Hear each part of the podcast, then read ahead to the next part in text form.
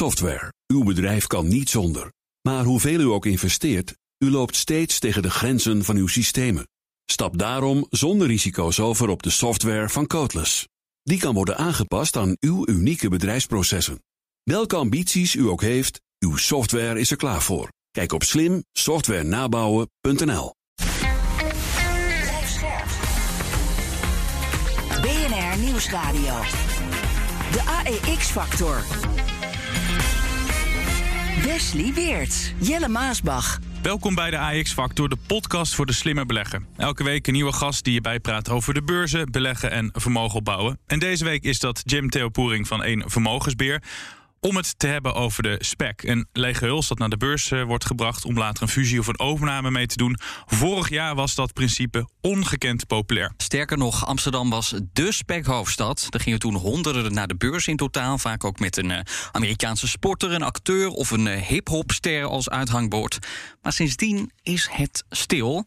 Um, Jim, om even te beginnen met die populariteit. Hè? Want het was niet voor niks dat zo'n SPEC populair was. Wat was het voordeel ten opzichte, en is misschien ook nog steeds het voordeel ten opzichte van een traditionele beursgang? Nou, het is een stuk goedkoper, het is een stuk makkelijker. Je hoeft veel minder documenten in te leveren. Want ja, je, uh, je, eigenlijk is het zo: er is een uh, beurshuls, een zak met geld.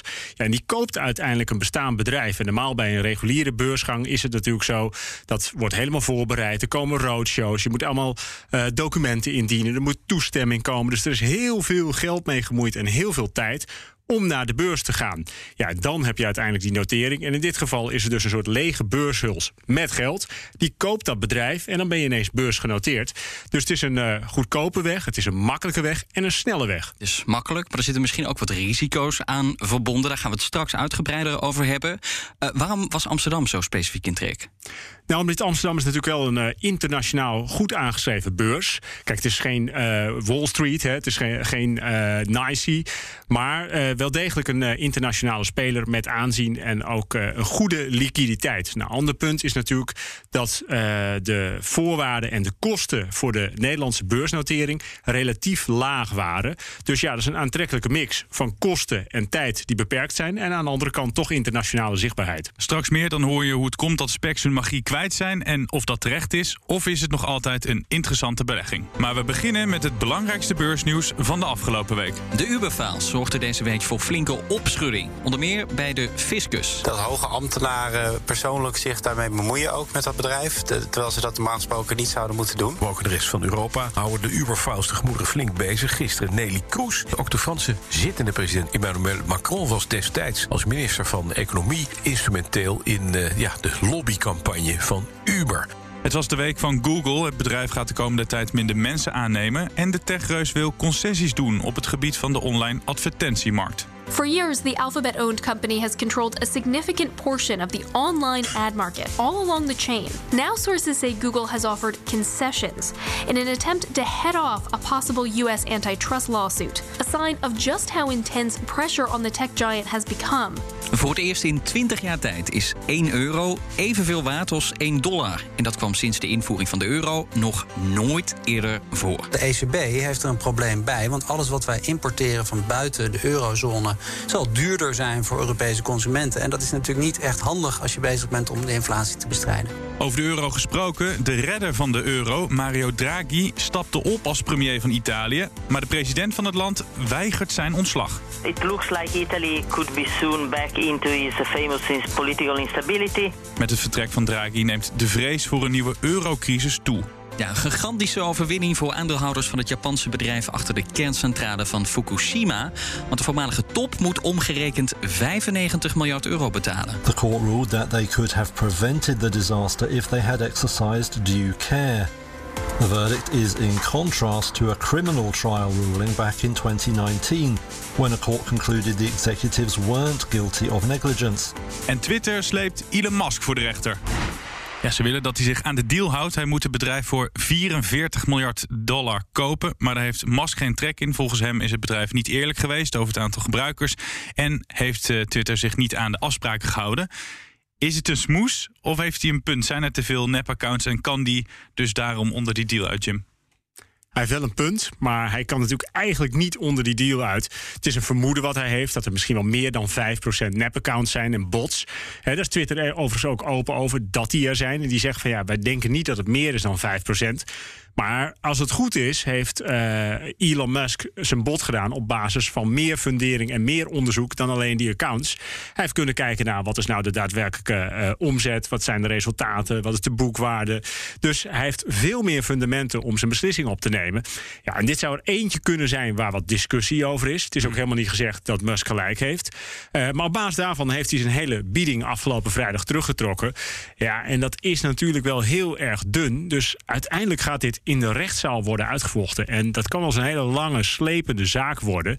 Waarbij Twitter natuurlijk wel openheid van zaken zal moeten geven over die nep-accounts. Ja, je wil uiteindelijk wil je geld gaan verdienen met zijn aankoop. Helemaal als je er 44 miljard dollar ja. voor neertikt. Maar hij zei toen, het is me ook te doen vanwege de free speech. Dus beschermen van het vrije woord. Zou dat dan niet meer meespelen, denk jij, in dit... Uh... Nou, dat klonk natuurlijk nobel en prachtig allemaal initieel. Uh, begon allemaal nog wat voorzichtiger. Hè. Eerst had hij een, een steek genomen, daarna zou hij in de boord. En vervolgens zei hij, ik koop de hele tent. Uh, en uh, ja, 54 dollar per aandeel ruim zou die daarvoor moeten betalen. Maar dat hele idealisme, dat is inmiddels wel naar de achtergrond uh, verdrongen. Ja. En ja, die, die Musk die ontpopt zich steeds meer als een soort ja, megalomane gek of idioot, hoe je het kunt noemen. Want ondertussen moet hij ook nog Tesla runnen. Maar hij is vooral bezig met Twitter. Nou, ik denk dat de beleggers van uh, Tesla het wel fijn vinden als deze overname niet doorgaat. Hè, want hij wilde heel veel aandelen van Tesla hiervoor inzetten. De beurswaarde van uh, Twitter is intussen gekelderd. Hij zou er dus inderdaad die 54,20 dollar voor neertellen. Maakt 44 miljard. Het is nog geen 28 miljard waard. Uh, zou die niet misschien gewoon op, op een soort van korting uit zijn? Of denk je dat dat station gepasseerd is. Nee, dat kan niet meer. Hij heeft natuurlijk ook een officieel bod gelanceerd. Uh, of het officiële voornemen om uiteindelijk die bieding te doen. En dan nog zouden Twitter-aandeelhouders zich moeten uh, uh, conformeren aan de bod. Maar de prijs nu nog in dit stadium omlaag kletsen met dit argument, dat gaat natuurlijk niet gebeuren. Hij wil er gewoon helemaal vanaf. En je noemt het ook terecht. aandeelhouders Tesla, die zijn er zeker niet blij mee. Het zal niet alleen daarom zijn dat de koers is gedaald, hè, want de hele tech, uh, het, het, hele techsector staat onder druk. Ja. Maar laten we wel wezen, het aandeel dat stond rond de 1200 dollar op een gegeven moment. En nu iets, ietsje boven de 700. Dus ja, er is gewoon meer dan 40% beurswaarde van Tesla opgegaan. Sinds het hele nou ja, Twitter-debakel zou je het misschien wel kunnen noemen. En tot slot, als Elon Musk afhaakt, echt definitief is afgehaakt. Hij wordt niet de eigenaar van Twitter. Is de toekomst van dit bedrijf? Komt er een andere overname, bot? Of ja, moeten ze het gewoon op eigen kracht doen? Wat denk jij? Nou, Twitter zou natuurlijk ook prima kunnen opereren op eigen kracht. Zoals ze altijd ook al hebben gedaan. Hè. Het was eerst ook dat Twitter zei: we willen helemaal niet worden overgenomen. We willen Elon Musk niet in de board. Dus Twitter kan ook doorgaan. Het is dan ook aannemelijk dat hij wel een break-up fee zou moeten betalen van 1 miljard. Maar laten we wel wezen, als je kijkt naar de koers van Twitter, die stond aan het begin van de week op 30 dollar en die is toch opgelopen met zo'n 20 procent. Dus daaruit blijkt wel dat aandeelhouders wel degelijk het vertrouwen hebben in deze uh, rechtsgang van Twitter om uh, Musk te houden aan zijn bod. En ja, vandaag is ook bekend geworden dat er een uh, rechter gaat oordelen over de zaak. Die afgelopen jaar nog een andere overname, die was waar de koop zich had teruggetrokken. Daarvan heeft gezegd: dit moet toch doorgaan. Dus dat geeft beleggers zeker hoop. Nou, van Twitter naar Uber, want dat bedrijf kan weer een schandaal aan zijn imposante lijstje toevoegen. Duizenden gelekte documenten leggen de agressieve lobbymachine en dubieuze praktijken van het Amerikaanse taxibedrijf bloot. Want Uber probeerde via uh, toppolitici invloed uit te oefenen, uh, allerlei controles te ontlopen en ook onderzoeken tegen te werken. Uh, en daarbij kreeg het hulp van onder meer Emmanuel Macron en voormalig EU-commissaris Nelly Kroes. Hoe heb je als belegger hiernaar gekeken, Jim? Nou, ik moet eerst uh, benadrukken dat wij geen positie hebben in Uber. Maar dit is natuurlijk wel uitzonderlijk. Uh, dit is een soort Wikileaks-achtig of Panama Papers-achtige uh, situatie. Je zegt een paar duizend. Ik geloof dat er 125.000 documenten zijn bestudeerd. Ja. En dat er dus ja, lobby's zijn geweest in 40 landen. Dat is natuurlijk niet verboden om te lobbyen. Maar wel als het allemaal buiten boekje gaat. En ja, dit neigt meer richting ik weet niet of ik mag zeggen, omkoping. Uh, dan dat er een legitieme lobby is gevoerd met zeer invloedrijke uh, politici. Ja, als je het dan hebt over ja, wat doet dit uh, met je als belegger? geen goed nieuws voor de Uber-belegger. en die had het al zwaar, want de koers is volgens mij inmiddels gezakt naar zo'n 20 dollar. Nou, nog geen jaar geleden stond hij op 50. Dus ja, die zijn dit jaar ook alweer meer dan de helft van hun waarde in de belegging kwijt. Ik wil het daar zo meteen nog verder over hebben. Maar je zou ook kunnen zeggen, ja, dit is een van de vele schandalen bij Uber. Hè, want ze hadden al uh, seksuele intimidatie zijn ze in opspraak geweest. Ze hadden bedrijfsfeestjes met, met bergen koken en allerlei agressieve managers. Dus je kunt je ook afvragen, hoe kan dit je als belegger nog verbazen? Ja, daar heb je wel gelijk in, hè? want uh, de, de lijst is lang. Ik geloof op een gegeven moment dat bepaalde premies niet werden betaald, ook voor medewerkers. Dus uh, als belegger weet je inderdaad wel bij Uber uh, dat de bedrijfsvoering, nou, hè, de governance is niet echt helemaal op orde. En dat nee. bevestigt dit maar weer. En toch staat het aandeel nu dus ruim 7% lager ten opzichte van ja. begin deze week. Ja, dus dat is weer eigenlijk een. het is niet een druppel op een gloeiende plaat, maar gewoon een volle emmer er nog een keer overheen. ja. Um, dus ja, als belegger moet je je sowieso afvragen dat hè, als je het hebt over duurzaamheid en ESG in deze tijd een heel belangrijk thema, of dit dan het bedrijf is waarin je zou moeten uh, beleggen. Maar hebben beleggers een plank voor hun kop? Want na al die schandalen, dit kon je, je kon er vergif op innemen of er kwam nog iets uit de hoge hoed. Ja, maar beleggers kijken nu naar meer dan alleen naar uh, hè, hoe is de governance. Die kijken vooral ook natuurlijk naar groei en naar uh, omzet en winstpotentieel. En ja, even los van het feit dat dat nu bij Uber een beetje op zijn retour is. Het is natuurlijk wel echt een disruptor geweest. Die de hele wereld, de hele taxiwereld op zijn kop zette. Die groeide als kool. En ja, daar willen uh, beleggers natuurlijk ook bij zijn. Dus het is heel dubbel. Hè. Aan de ene ja. kant heb je de groeimogelijkheid. En aan de andere kant het risico op schandalen. Ja, je zag ook jarenlang wel uh, dat op zich dat, dat aandeel steeg. Maar juist de afgelopen paar maanden zie je uh, dat daar een soort van kentering in is. want het idee was volgens mij na jaren van, van groei en verliezen. Wacht daar het paradijs met met uh, hele grote winstcijfers. Maar zijn beleggers ook dat vertrouwen inmiddels kwijt? Als we kijken naar de beurskoers in dit geval. Ja, dat klopt wel. Nou moet ik wel zeggen, dat heeft niet alleen te maken met zo'n uh, die leaks die, uh, of die documenten die nu naar buiten komen. Nee, maar ook misschien vanwege die beloftes die maar niet waargemaakt worden, die winsten die maar niet komen. Ja, maar dat is, in de, dat is wel sectorbreed. Want la, laten we wel wezen van Uber is het stapje naar Uber Eats en bijvoorbeeld een Just Eat Takeaway ook een kleine. Ja, daar zie je natuurlijk ook dat het idee van monopoliepositie en alleen maar groeien, groeien, groeien en winst komt in de toekomst wel.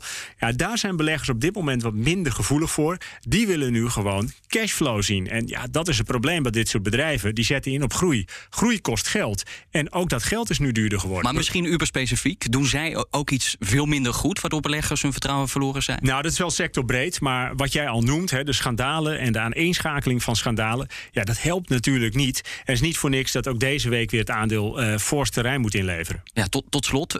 Wat, wat vind jij zelf van Uber als, als aandeel? Misschien ook met die, die extra korting die er nu op zit. Is het, is het toch een interessante belegging?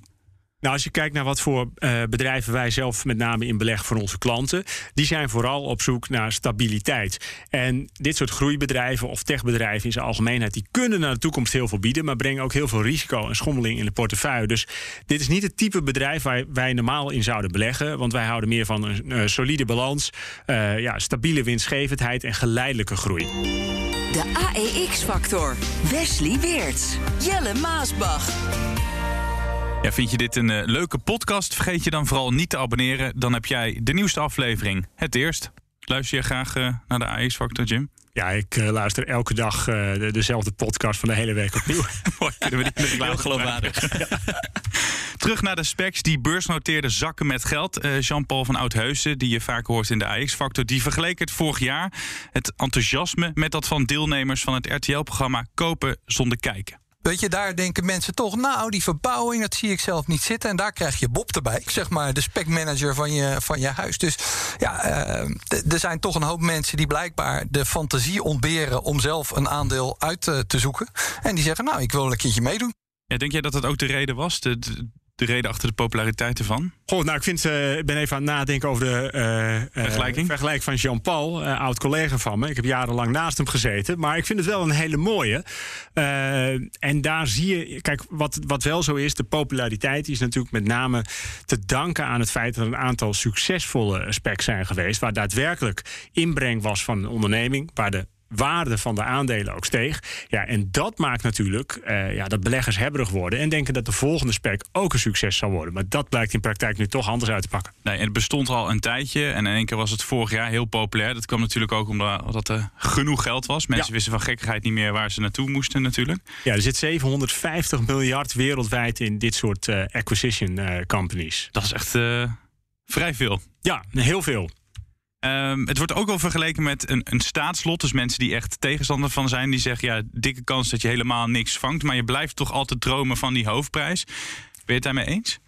Nee, want bij een staatslot weet je eigenlijk wel uh, nou, met een relatief grote zekerheid dat je, uh, wat kost zo'n uh, lot, 30 euro of zo, ja. dat je die gewoon helemaal kwijt bent. en dat de prijs waarschijnlijk niet gaat vallen. Nou, de prijszekerheid bij een spec is groter. Uh, en een ander ding is dat je natuurlijk ook zelf wel kunt bepalen uh, aan welk management van zo'n spec ga jij je geld geven. Uh, in, in Nederland heb je bijvoorbeeld natuurlijk Nick Hoek gehad, die twee keer een ja. spec wel succesvol tot een nou ja, einde heeft weten te brengen. In elk geval een bedrijf gekocht. Um, en degene die daarvoor verantwoordelijk is en de contacten diegene die misschien wel heeft, of een ten douchegaten die je ook hebt in ESG Core Invest, ja, die hebben wel een bepaalde reputatie en waarschijnlijk ook een goed netwerk. Dus daarmee heb je iets meer zekerheid op een prijs.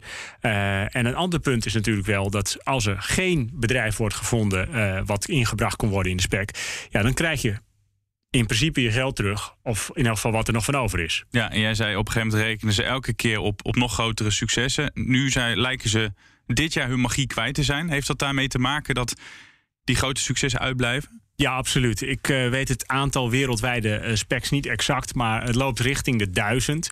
Uh, in Amsterdam had je er zo'n twintig, of heb je er twintig waarvan een aantal dus inmiddels wel ja, een echt bedrijf zijn geworden en niet alleen maar die zak meer met geld. Um, maar ja, 800 specs, dat betekent ook dat er 800 keer een bedrijf moet worden gevonden van toch behoorlijke omvang. Hè. Vaak is het een paar honderd miljoen wat erin zit. En er zijn misschien wel wat minder bedrijven die daarvoor openstaan, want die moeten vervolgens ook een beursnotering hebben, dan dat er uh, specs zijn. Dus ja, er zijn heel veel kopers, maar misschien is er wat minder aanbod van bedrijven. Is die vergelijking met de woningmarkt van kopers om te kijken wel treffend hier? Ja, die vond ik uh, prachtig. Ja. En waaruit blijkt dat die, die hype nu is geïmplodeerd? Nou, wat je natuurlijk bij zo'n spec hebt, hè, dus zo'n uh, Special Purpose Acquisition Company, volgens mij hebben we het nog niet eens benoemd. Uh, dat is eigenlijk die zak met geld. Um, ja, waar, waaruit blijkt dat nu? Uit het feit dat er minder uh, naar de beurs gaan. Ook uit het feit dat er een heleboel nog steeds bestaan uit een zak met geld. En daar ligt een beetje het probleem. Bij oprichting, of eigenlijk hè, op het moment dat ze gelanceerd worden en je de aandelen kunt kopen, dan is er een periode van over het algemeen 24 maanden. waarin dus dat traject van overname moet worden gecompleteerd. Nou, op dit moment zijn er ook op de Amsterdamse beurs een paar die hebben minder dan een jaar of nog een paar maanden om dat traject te voltooien. Ja, en dan kom je op het punt dat je dus moet zeggen: uh, ja, missie mislukt en beleggen, er is nog wat geld over, dat krijg je terug. Maar betekent dat dan dat we de komende tijd honderden specs gaan zien die hun plannen uh, af gaan blazen? Ja, ze kunnen nog vragen om uh, verlenging natuurlijk. Of ze moeten het geld teruggeven aan de aandeelhouder. Dus ja, dat ga je wel zien, ja. Ja, nou is het ook zo dat uh, topbelegger Bill Ackman, toch een grote naam, dat zie je vaak bij die specs, hè, want dat moeten grote namen ja. zijn om iedereen een beetje mee te krijgen. Die geeft ook uh, 4 miljard dollar terug die hij met die spec uh, ophaalde, omdat hij dus ja, niemand kon vinden, geen geschikte overnamekandidaat kon vinden. Um, maar ja, als hem het zelfs niet lukt, zo'n grote naam, wie lukt het dan wel? Ja, wie lukt het dan wel? Want, maar dat is um, belangrijk bij die specs. Ja. Dat je een grote naam hebt. Dat, dat zorgt ervoor dat investeerders meegaan. Maar zorgt er ook voor dat je misschien een bedrijf voor het uitkiezen kiezen hebt. En waarmee je kan fuseren. Nou, ik vond het ook wel een teken aan de wand. Omdat hè, Bill Ackman, die over zelf dus ook met zijn eigen Pershing Square Holdings... een notering heeft aan Amsterdam. Want daar hadden we het eerder over. Ja, hè, wat is nou zo aantrekkelijk aan die beurs? Um, ja, hij had ook wel een grote spec. Dus dat betekent ook wel dat hij echt een grote overname zou moeten doen. Maar ik vond het een teken aan de wand dat hij ook zegt van ja, het is me niet gelukt. Dus uh, we stoppen ermee. Maar dat is dus wel interessant uh, en belangrijk om te zeggen. Op een gegeven moment zeg jij, er is een bepaalde periode. In die periode moeten ze dus een geschikte overnamekandidaat hebben gevonden. En als dat niet is, dan gaat het geld wat er nog over is, gaat terug. Maar dan gaat terug naar de aandeelhouders. Maar 100% gaat nooit terug? 100% gaat niet terug. Zeker niet wanneer je het hebt over uh, uh, nou ja, de Europese markt. Want dat geld staat al die tijd op de bank. Daar betaal je natuurlijk een stukje rente over. Er worden doorlopende kosten gemaakt voor die notering.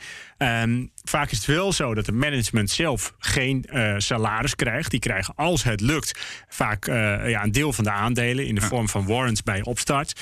Dus eh, ja, wat krijg je dan terug? Dat is even afwachten hoeveel geld er nog over is. Soms is het ook zo dat de spec aan de aandeelhouders vraagt van... goh, kunnen we misschien nog zes maanden langer door? Overigens is het ook zo als de spec of het management van de spec een bedrijf heeft dat ze willen overnemen, dat ze eerst nog weer toestemming moeten vragen aan de aandeelhouder. Dus het is een beetje kopen zonder kijken, waarbij je nog heel even een blik binnen mag werpen om te zeggen van nou het is goed, je mag even door het raam kijken. Ja, we hadden het net ook over dat negatieve sentiment. Ik kan me tegelijkertijd ook wel voorstellen dat het misschien juist helpt. Want uh, de, de waarde, waardering van, van groeibedrijven die is ook gedaald. Dus je zou kunnen zeggen dat biedt misschien juist wel kansen voor die, voor die specs om nu, nu toe te slaan. Waarom, waarom werkt dat dan toch niet in hun voordeel? Nou, ik denk wat het grootste nadeel op dit moment van specs is, is dat er te weinig successen zijn. Uh, in Nederland, wat dichter bij huis, heb je uh, Dutch Star uh, Companies 1 gehad. Ja. van Nick Hoek, de voormalig topman van Deltaloid. En die heeft uiteindelijk cm.com daarin ondergebracht. Dat was een succesverhaaltje. Ja, dat was een succesverhaal inderdaad. Want cm.com wou eerst naar de beurs, dat lukte het niet. En via die spec is het alsnog gelukt. Nou, die aandeeltjes die waren 10 euro en die zijn omhoog gegaan naar bijna 50. Dus ja, de aandeelhouders die zullen ontzettend gelukkig zijn geweest in eerste instantie. Ik weet niet wat de exacte koers van CM is, maar die is 12 of 13 euro op dit moment. Dus er is nog een heel klein plusje.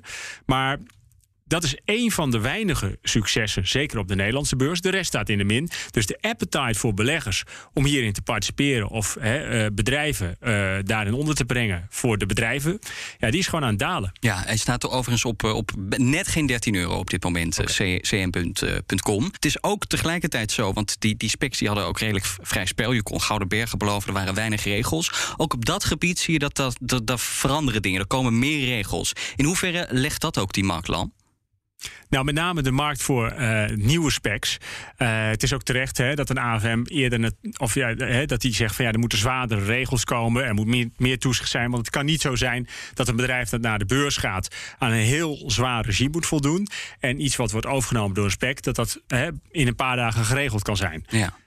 Dus dat is wel heel terecht. Maar ik denk dat het grootste probleem voor de specs op dit moment is dat er heel veel specs zijn waar alleen nog maar geld in zit. En de uh, specs waar wel daadwerkelijk een bedrijf in is ondergebracht, dat die niet echt succesvol zijn. Maar je hele unique selling point is toch ook weg op het moment dat je eigenlijk dat het bijna net zo moeilijk gaat worden via zo'n spec als via een traditionele beurs gaan. Waarom zou je het dan nog via een spec doen? Nou, het is altijd nog wel de makkelijke weg op dit moment natuurlijk. Maar ik, uh, hè, ik, ik, zag toevallig een stukje van uh, Charlie Munger, de rechterhand van uh, Warren Buffett van Berkshire Hathaway. En die zei ook van, ja, ik snap hier helemaal niks van. Dit gaat gewoon helemaal mis. Waarom zou je in iets investeren waarvan je niet weet wat het is? Het is echt een black box en je moet maar afwachten wat je voor terugkrijgt. Die zei twee jaar terug al, dit is een accident waiting to happen. Ik wil net zeggen, hij was al niet enthousiast. Nee, misschien gebeurt dat nu een beetje. Jij zei net wel wat interessants uh, over de Gelukkig. bestuur. Heel veel interessants natuurlijk.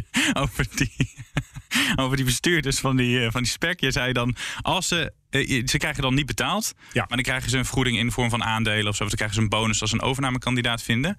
Um, hoe zit het met de oprichters zelf? Want de AFM waarschuwde eerder hè, dat het voor hun wel heel lucratief is. Ja, de oprichters zijn vaak ook de bestuurders. Ja. Uh, en dat klopt ook wat de AFM zegt. Maar wat ze Ik vind doen, het wel een eerlijk systeem eigenlijk. Ik heb ja. daar ook niet zoveel problemen mee. Want uh, uh, je kunt natuurlijk zeggen van nou, ik ga daar zitten en ik werk voor een salaris. In dit geval is meer een soort succesfee. Vaak hebben ze warrants. Dus dat zijn een soort opties waarmee je dus nieuwe aandelen uiteindelijk kunt kopen. vaak tegen een fractie van de prijs. En ja, als dan dus dat bedrijf naar de beurs gaat, zoals bijvoorbeeld de CM.com, en die krijgt daadwerkelijk die notering in die spec, dan kan het zijn dat de oprichters daar wel bij varen. Want die mogen alsnog die aandelen kopen die, tegen die lage prijs. Soms is het wel dat ze dus eigenlijk 20% van het nieuwe bedrijf in bezit krijgen daarmee, zonder dat ze initieel de investering hebben te doen. Dus ja, dat is een beetje een Amerikaans model. En dat is in Europa wat minder geliefd. Uh, ja. Maar ja, als het niet lukt, hebben ze geen euro verdiend. Dat was de AFM eh, die daar kritiek op had. Als we kijken naar het toezicht in het algemeen. Uh, je kende gewoon Nicola, die, had, die beloofde Gouden ja. Bergen. Die bleek vooral heel goed van een berg af te rollen. Hè? Die, uh, die maken van elektrische vrachtwagens. Ja. daar was er sprake van fraude. Gebeurt dat vaker bij die specs? Nou, ik moet je eerlijk zeggen dat uh, om nou te stellen dat dat vaker gebeurt, dat weet ik niet. Als ik kijk naar de Nederlandse beurs, daar zitten gewoon wel normale bedrijven in die ook een winst- en verliesrekening uh, eerder al presenteren en nu een zeer uitgebreide rapportage. Um, dus om nu meteen te zeggen dat allemaal Nicolas zijn, dat gaat wat ver. Maar het risico daarop, dat is wel wat groter. Want ja, er komt iets in, er wordt iets ingebracht waar je als belegger vooraf niet de cijfers van hebt gezien. Nee. Nee, een beetje blinde loterij. Um, wat waren andere grote flops wat jou betreft? Wat wel aardig is om nog te noemen, en dat is dus nog geen flop, dat kan nog groot worden. Um, volgens mij heeft uh, Donald Trump ook zijn eigen spec. Oh ja, ja. Dat is de Social Truth, heet hij. Uh, dat gaat ook niet zo lekker. Een concurrent van Twitter wil die, geloof ik, ook nog ja. lanceren. Dus dat is wel aardig om te noemen. Hè. Je had het net over uh, sport, sportmannen met eigen specs. Zelfs ja. de ex-president van de Verenigde Staten, die heeft dus zijn eigen spec.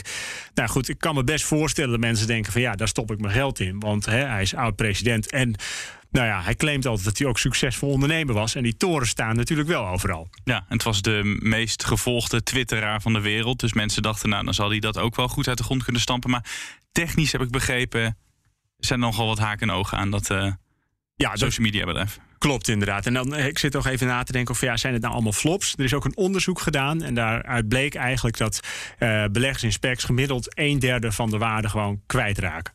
Nou, dat is een redelijk, redelijk fors. Ja. ja. Toch? ja. En, en, en, de, en de succesverhalen, want je zei er zijn er wel een paar geweest. En beleggers die hoopten dan dat er veel meer zouden volgen. Nou, ik denk toch dan dat we dicht bij huis moeten kijken. Uh, en dan is cm.com op de Nederlandse beurs in elk geval het meest succesvol. Ja. Uh, eerst met een enorme koerswinst. En uh, als je dat naast de AEX zet, nou, dan, dan hebben ze het ook gewoon nog wel oké okay gedaan. He, want dit jaar is het fors gedaald. Maar in diezelfde periode, ik zou het precies naast elkaar moeten leggen... dan valt het best wel mee met de schade voor beleggers. Sterker nog, die staan altijd nog nou ja, 30% in de plus. Dus een belegger in cm.com die niet heeft gekeken in de afgelopen tijd... die zal toch nog blij zijn met zijn investering. Kunnen we daar lessen uit, uit trekken? Wat, want CM doet het dan wel goed. Wat, wat kunnen andere specs daarvan leren?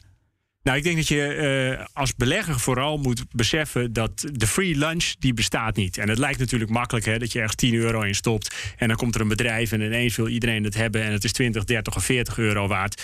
En dat je hiermee inderdaad wel gewoon een heel groot risico neemt en maar moet hopen dat er iets van jouw investering terugkomt. Ja, in die zin is het toch een beetje een blinde loterij ook. Ja, eigenlijk wel. En wat je dus ook zag, uh, dat er ook uh, wel specs zijn geweest die dan uiteindelijk een bedrijf hebben gevonden wat ze willen overnemen. Vervolgens nog het akkoord van de aandeelhouders moesten hebben. Bijvoorbeeld in biotechbedrijven. Ja, daarvan zeiden de aandeelhouders: we willen dit helemaal niet. Dus 95% van de aandeelhouders zei uiteindelijk: van ja, ik wil gewoon mijn geld terug. Dus er zijn echt wel heel veel verhalen die geen succes zijn. Veel meer dan dat er succesverhalen zijn. Ja, want voor de duidelijkheid, het is wel zo dat als je eenmaal hebt ingekocht in zo'n spec, dan heb je wel nog de, de, het laatste woord. Je kunt wel zeggen: nee, dit zien we niet zitten, dat, eh, dat bedrijf. Absoluut, ja. De aandeelhouders moeten akkoord geven. Een ander ding is natuurlijk ook wel, als je het gaandeweg niet meer ziet zitten met de spec waar je in hebt geïnvesteerd, je kunt ook altijd je geld eruit halen. En dat is weer het mooie van een beursnotering. Kijk, het is een soort private equity. Maar als je een private equity belegt, uh, moet je vaak enerzijds veel meer cash inbrengen. En anderzijds, je moet maar afwachten wat ze met je geld gaan doen. En je zit vaak vijf tot zeven jaar vast. Hierbij kun je eigenlijk, nou morgenochtend niet, dan zaterdag. Maar maandagochtend kun je er weer uit. Ja, het is private equity voor arme mensen. Kan ik het zo ja, samenvatten? Misschien wat voor ons. ja, dan kunnen we ook nog wat, uh, wat investeren. Is het, nou, is het nou goed of slecht nieuws dat die, dat die specmarkt is, uh, in, is ingestort? Ja, uh, eigenlijk wel goed, denk ik. Ja, waarom?